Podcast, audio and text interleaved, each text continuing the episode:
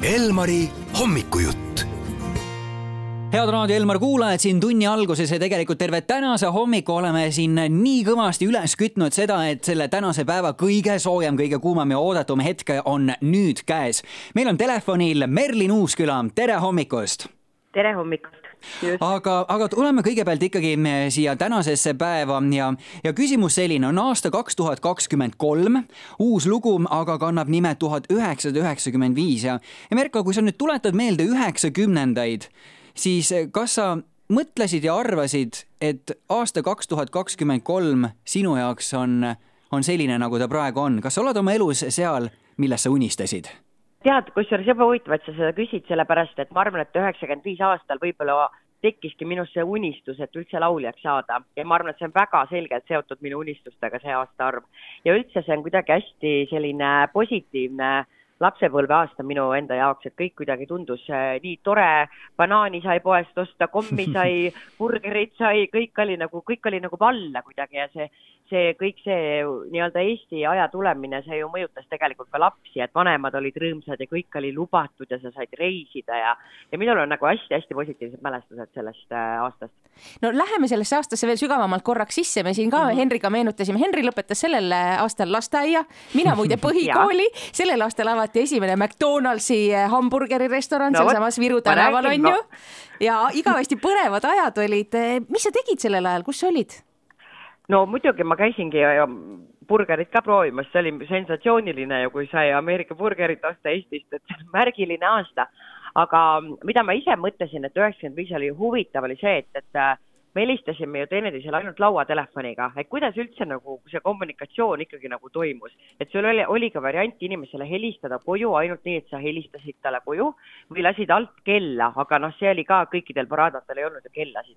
et kuidas ikkagi need kokkulepped üldse töötasid, et ma olen nagu päris palju selle peale mõelnud, et see aeg ei ole nii pikk, aga kui palju on muutunud tegelikult see, kuidas me nagu suhtleme, et see on hästi põnev tegelikult. teine variant oli lihtsalt ukse taha ilmuda ja küsida, et kas Merli nõue võib tulla? Jah.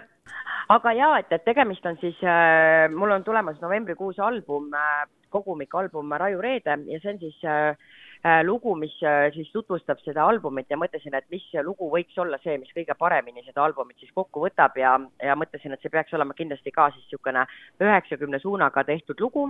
Ja üldse see kogu album, mis mul siis äh, tule, tulemas on, ongi siis selline natuke retrosuunaline, et, et kõik need äh, seitse aastat, äh, mis Raju Reedest peale seda on tulnud, et ongi olnud mul muusikaliselt natuke sellised niisugune äh, muusikaline retrosoundide seiklus iseenda, enda jaoks ja tahtsin võtta selle perioodi kokku ja kõik uued lood ka, mis sinna albumile siis äh, saavad, ongi siis äh, nii-öelda mõjutatud üheksakümnendatest, kaheksakümnendatest milleeniumist, mis on siis segatud tänapäevaste muusikaelementidega kokku, et niisugune põnev kompott saab olema see ja, ja lugu, mida ja... me muidugi sellelt albumilt kohe-kohe äh, kuuleme, on äh, tuhat üheksasada üheksakümmend viis ja tahtsin mm, -hmm. tahtsin uurida selle kohta, et sa rääkisid siin telefoniga helistamisest, et äh, selles samas mm -hmm. laulus lööb kaasa Aisto Kemm ehk siis esisuuna mudija Kristjan Jõekalda. kuidas sa ja. tema sinna nüüd nõusse said, kas sa helistasid talle või, või, või läksid ukse taha?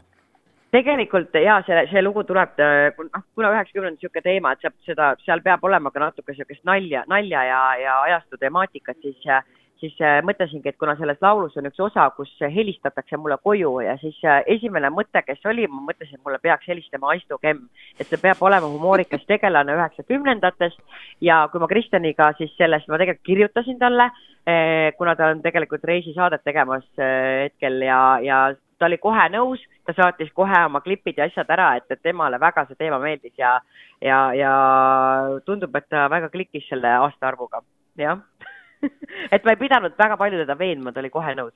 Rõõm kuulda. Merlin, sa surfad ja. praegu üheksakümnendate lainetel nii vägevalt nii muusikas kui stilistikas, aga mis on see, mida sa sellest üheksakümnendate aastate vaibist enam korrata ei tahaks? ma ei tea, kas mõni moeröögatus või mõni maitse või ma ei tea, mis see võiks olla, mida enam ei tahaks nagu? No tead, ma ütlen, et eks see üheksakümnendaid on võimalik kujutada nagu väga hästi ja maitsekalt eh, või siis ka väga halvasti, et eks seal, eks seal oligi neid näiteid igasuguseid, aga mõtlen, mida ma ei tahaks kanda, no ma ei kujuta ette.